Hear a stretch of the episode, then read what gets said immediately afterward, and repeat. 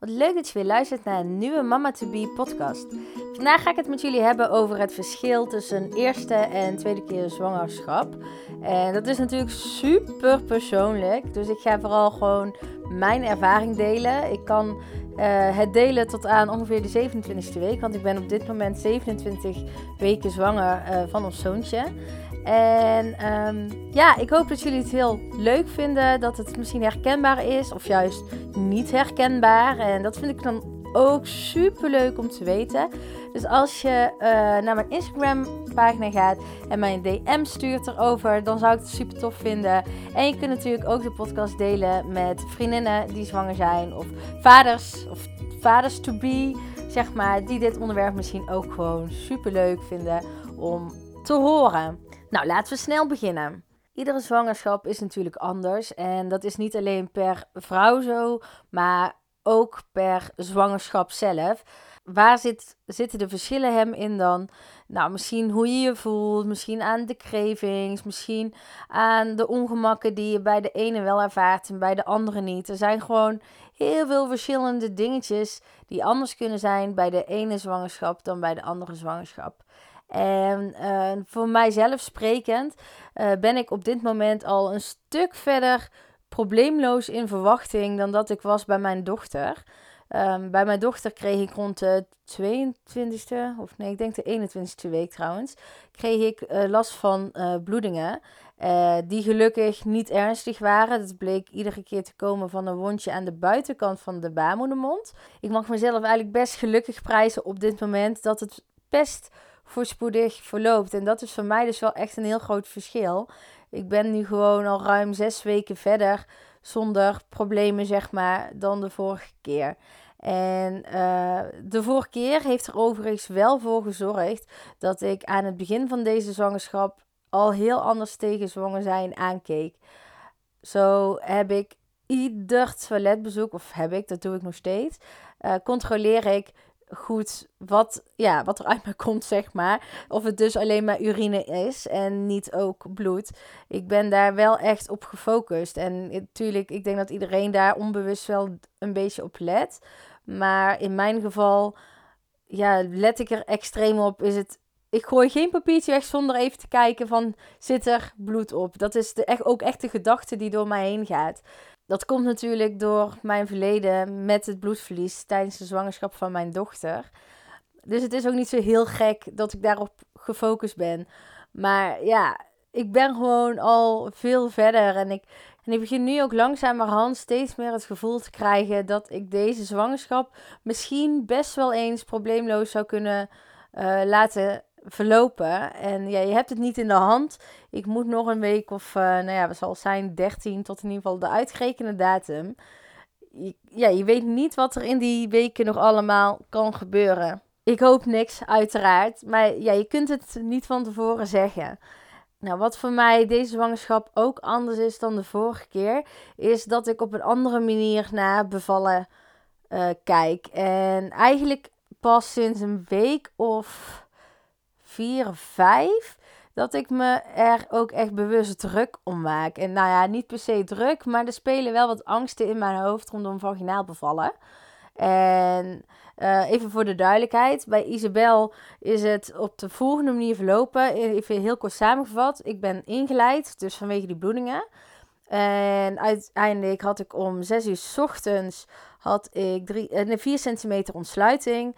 Uiteindelijk pas na 12 uur s'nachts, uh, dus echt ja, zeg maar de volgende dag, uh, had ik 10 centimeter ontsluiting. Ik heb ruim een uur geperst. Uiteindelijk lukte het niet. Ze wilden niet uit. Ze kwam gewoon niet door het geboortekanaal heen. En heb ik een spoedkeizersnede gehad. Waarbij ik alles heb kunnen voelen. Omdat mijn ruggenprik niet helemaal goed werkte. En uh, ja, op het moment dat ze snijden, moeten ze door. Dus um, dat is iets wat ik niemand gun. En wat ik me absoluut ook niet hoop. Dat als ik weer een keizersnee zou krijgen, dat me dat deze keer weer overkomt. Um, maar ik moet zeggen dat ik meteen na, uh, na de keizersnede heb gezegd. Of na, nadat ik Isabel in mijn handen had, althans. Ik zou het zo weer doen. Uh, dat, dat, al de pijn is dat waard vond ik in ieder geval. Nou, dat is hoe mijn bevalling de vorige keer in ieder geval liep. Het ging absoluut niet over rozen. Ik denk sowieso niet dat geen één bevalling echt over rozen gaat. Ik heb gewoon wel op dit moment wat angst rondom vaginaal bevallen. Ik heb niet per se een grootste angst voor vaginaal bevallen, maar gewoon verschillende angsten waarvan ik denk, ah, als dit gebeurt of als dit gebeurt of als dit gebeurt. Waaronder bijvoorbeeld een total raptuur, of ik weet niet hoe je het precies uh, uitspreekt of hoe het heet. Maar dat je dus van vagina tot aan anus uitscheurt. Dat lijkt me verschrikkelijk. De kans is heel klein, heb ik begrepen. Maar toch zit dat wel in mijn hoofd van, oh jee, als dat gebeurt. Uh, ook het stukje incontinentie uh, na een bevalling of sowieso dat je uh, als vrouw zijnde wat vaker urine lekt. Laat ik het zo zeggen. Dat vrouwen geen trampoline meer kunnen springen. Omdat ze dan sowieso gegarandeerd gaan lekken. Uh, daar zit een stukje van mijn angst. En dat heeft vooral te maken met dat ik danslessen geef. En dat ik er niet op zit te wachten dat als ik sta te springen, dat ik dan ook aan het lekken ga, zeg maar. Wat me ook heel eng lijkt, is inknippen, de vacuumpomp. Weet je, er zijn zoveel dingen die mis kunnen gaan. En dat is natuurlijk niets anders dan bij een keizersnee. Bij een keizersnee kan ook iets misgaan. Je laat in je lichaam snijden. En de, de, het is wel veel heftiger dan vaginaal bevallen in dat opzicht. Of in ieder geval het herstel. Als ik zo hoor van de mensen die vaginaal bevallen, die gewoon ja, binnen dezelfde dag, als de rugprik is uitgewerkt, bij wijze van gewoon weer op hun benen staan. En ik weet nog, na mijn bevalling van Isabel, hoe dat ging. Ik heb echt drie dagen erover gedaan om fatsoenlijk een beetje te kunnen lopen. En dat heeft gewoon te maken met dat een keizersnede een mega zware buikoperatie is. Die moet je ook absoluut niet onderschatten. Ik mocht ook helemaal niet. Het is niet zo dat ik een keizersnee onderschat. Absoluut niet. Maar ik begin steeds meer een voorkeur te krijgen voor een keizersnee. Maar dat is misschien ook omdat ik weet hoe dat eraan toe kan gaan. Oké, in mijn geval was had ik niet de beste keizersnee. Maar ik weet, ja, gewoon ook met het herstel en zo. En met wat je kunt. En hoe het van onderen eraan toe gaat. En ook uh, met de verhalen die ik heb gehoord over als je vaginaal bevalt. En dat de seks daarna gewoon minder fijn is. Dat lijkt me ook helemaal niet leuk. Ja, het zijn natuurlijk allemaal maar verhalen. En het zal niet bij iedere vrouw zo zijn. En er zullen een hoop vrouwen ongeschonden uitkomen. En uh, misschien valt het ook wel mee. Het zit echt zo in mijn hoofd. Uh, maar voor mij zit dit, uh, zit die angst er dus in. En die angst die heb ik vorige keer niet gehad. Die had ik absoluut niet zelfs. Het was gewoon, dit ga ik doen. Punt. En misschien ook een beetje uit ontwetendheid of zo. Maar nee, er zat... Ja, tuurlijk had ik wel lichtelijk angstjes, maar niet dat, dat ik daar mee bezig was. En dat is nu dus wel zo tijdens deze zwangerschap. Ja, omdat dit waarschijnlijk ook mijn laatste zwangerschap is, omdat Roy niet uh, nog een kind zou willen. Ik zou heel graag een derde wil, willen, Roy uh, niet.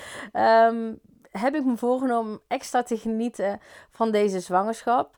En ik geniet er ook echt intens van. Maar ik merk ook wel dat doordat er al een kleintje loopt, dat ik toch soms ook minder de kans krijg om ervan te genieten of zo. Of dat, de tijd gaat gewoon zoveel sneller dan bij mijn eerste zwangerschap, voor mijn gevoel. En ja, voor je het weet ben ik gewoon niet meer zwanger.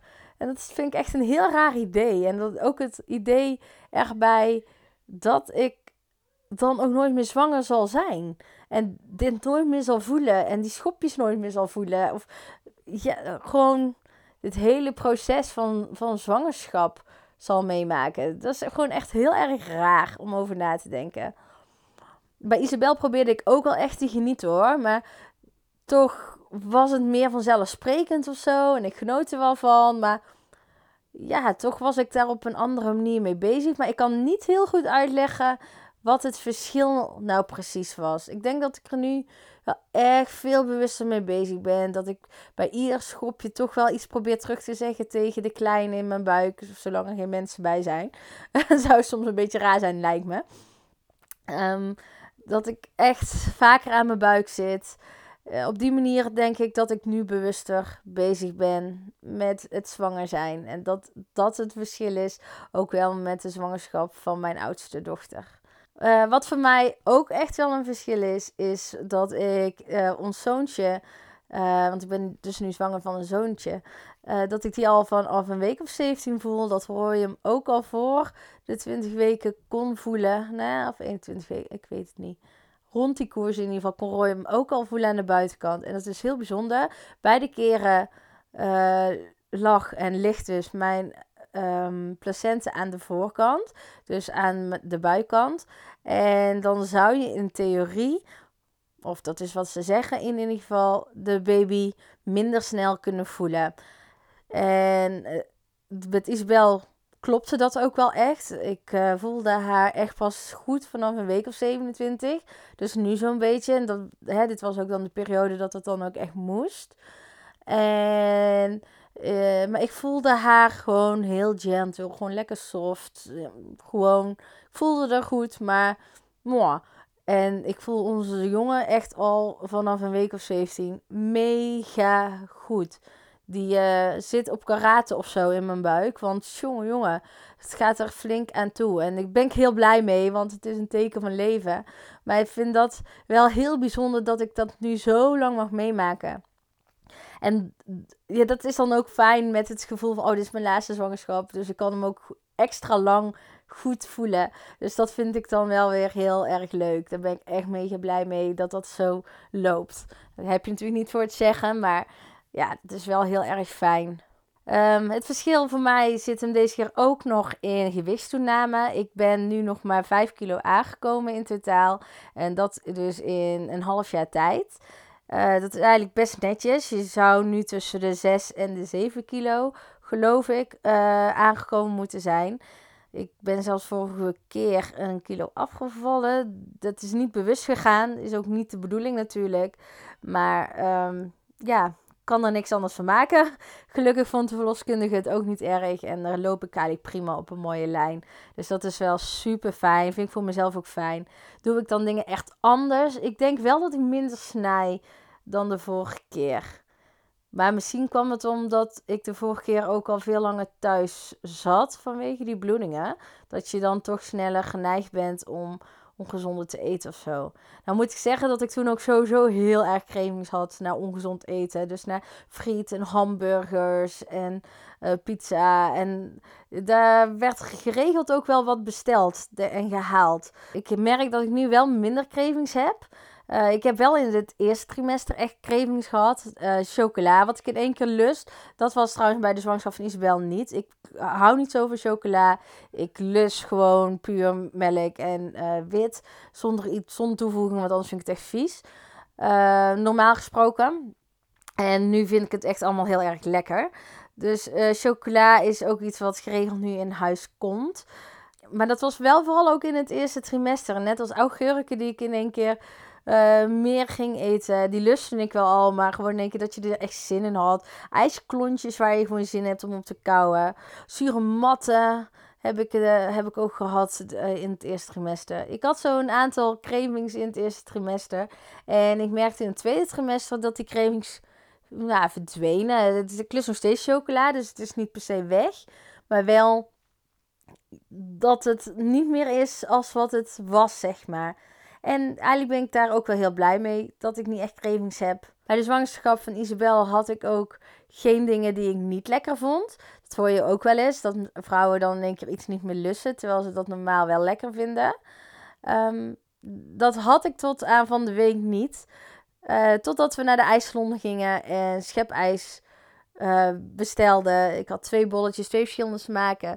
En ik vond het allebei naar schoenzool of zo smaken, of weet ik veel. Niet dat ik ooit schoenzool op heb, maar gewoon, gewoon echt vies. Ja, het verschil is natuurlijk dat ik de vorige keer een babykamer moest maken en dat de babykamer nu staat. Uh, en dat ik nu dus een dreumeskamer moet maken. dus uh, dat is een klein, klein verschilletje, maar ja, dat is niet echt zwangerschap typerend of zo. Ja, het is maar net afhankelijk uh, hoeveel jaren er tussen de kleintjes zit natuurlijk. En voor ons komt dat zo uit dat Isabel dadelijk uh, anderhalve maand voor de uitgerekende datum 2 is. Ja, en dan wat ik in het begin ook al zei, weet je, um, iedere vrouw is anders. Dus, dus al die verhalen van vrouwen over hun zwangerschap die zijn leuk om te lezen en te horen. Maar dat zegt gewoon niks over jouw eigen zwangerschap en hoe dat gaat lopen. Sommige vrouwen zijn een hele zwangerschap ziek en de andere zwangerschap niet, weet je wel. Jij kunt er gewoon niks van zeggen. Dus je moet het gewoon zelf ervaren. Maar weet en besef je in ieder geval dat er verschillen kunnen zijn. Uh, dat er ook heel veel dingen wel hetzelfde kunnen zijn. Um, maar dat er dus ook heel veel verschillen kunnen zijn. En is dat erg? Nee, dat is niet erg. Dat, uh, dan heb je gewoon meerdere ervaringen, zal ik het zo zeggen. Is ook wel leuk.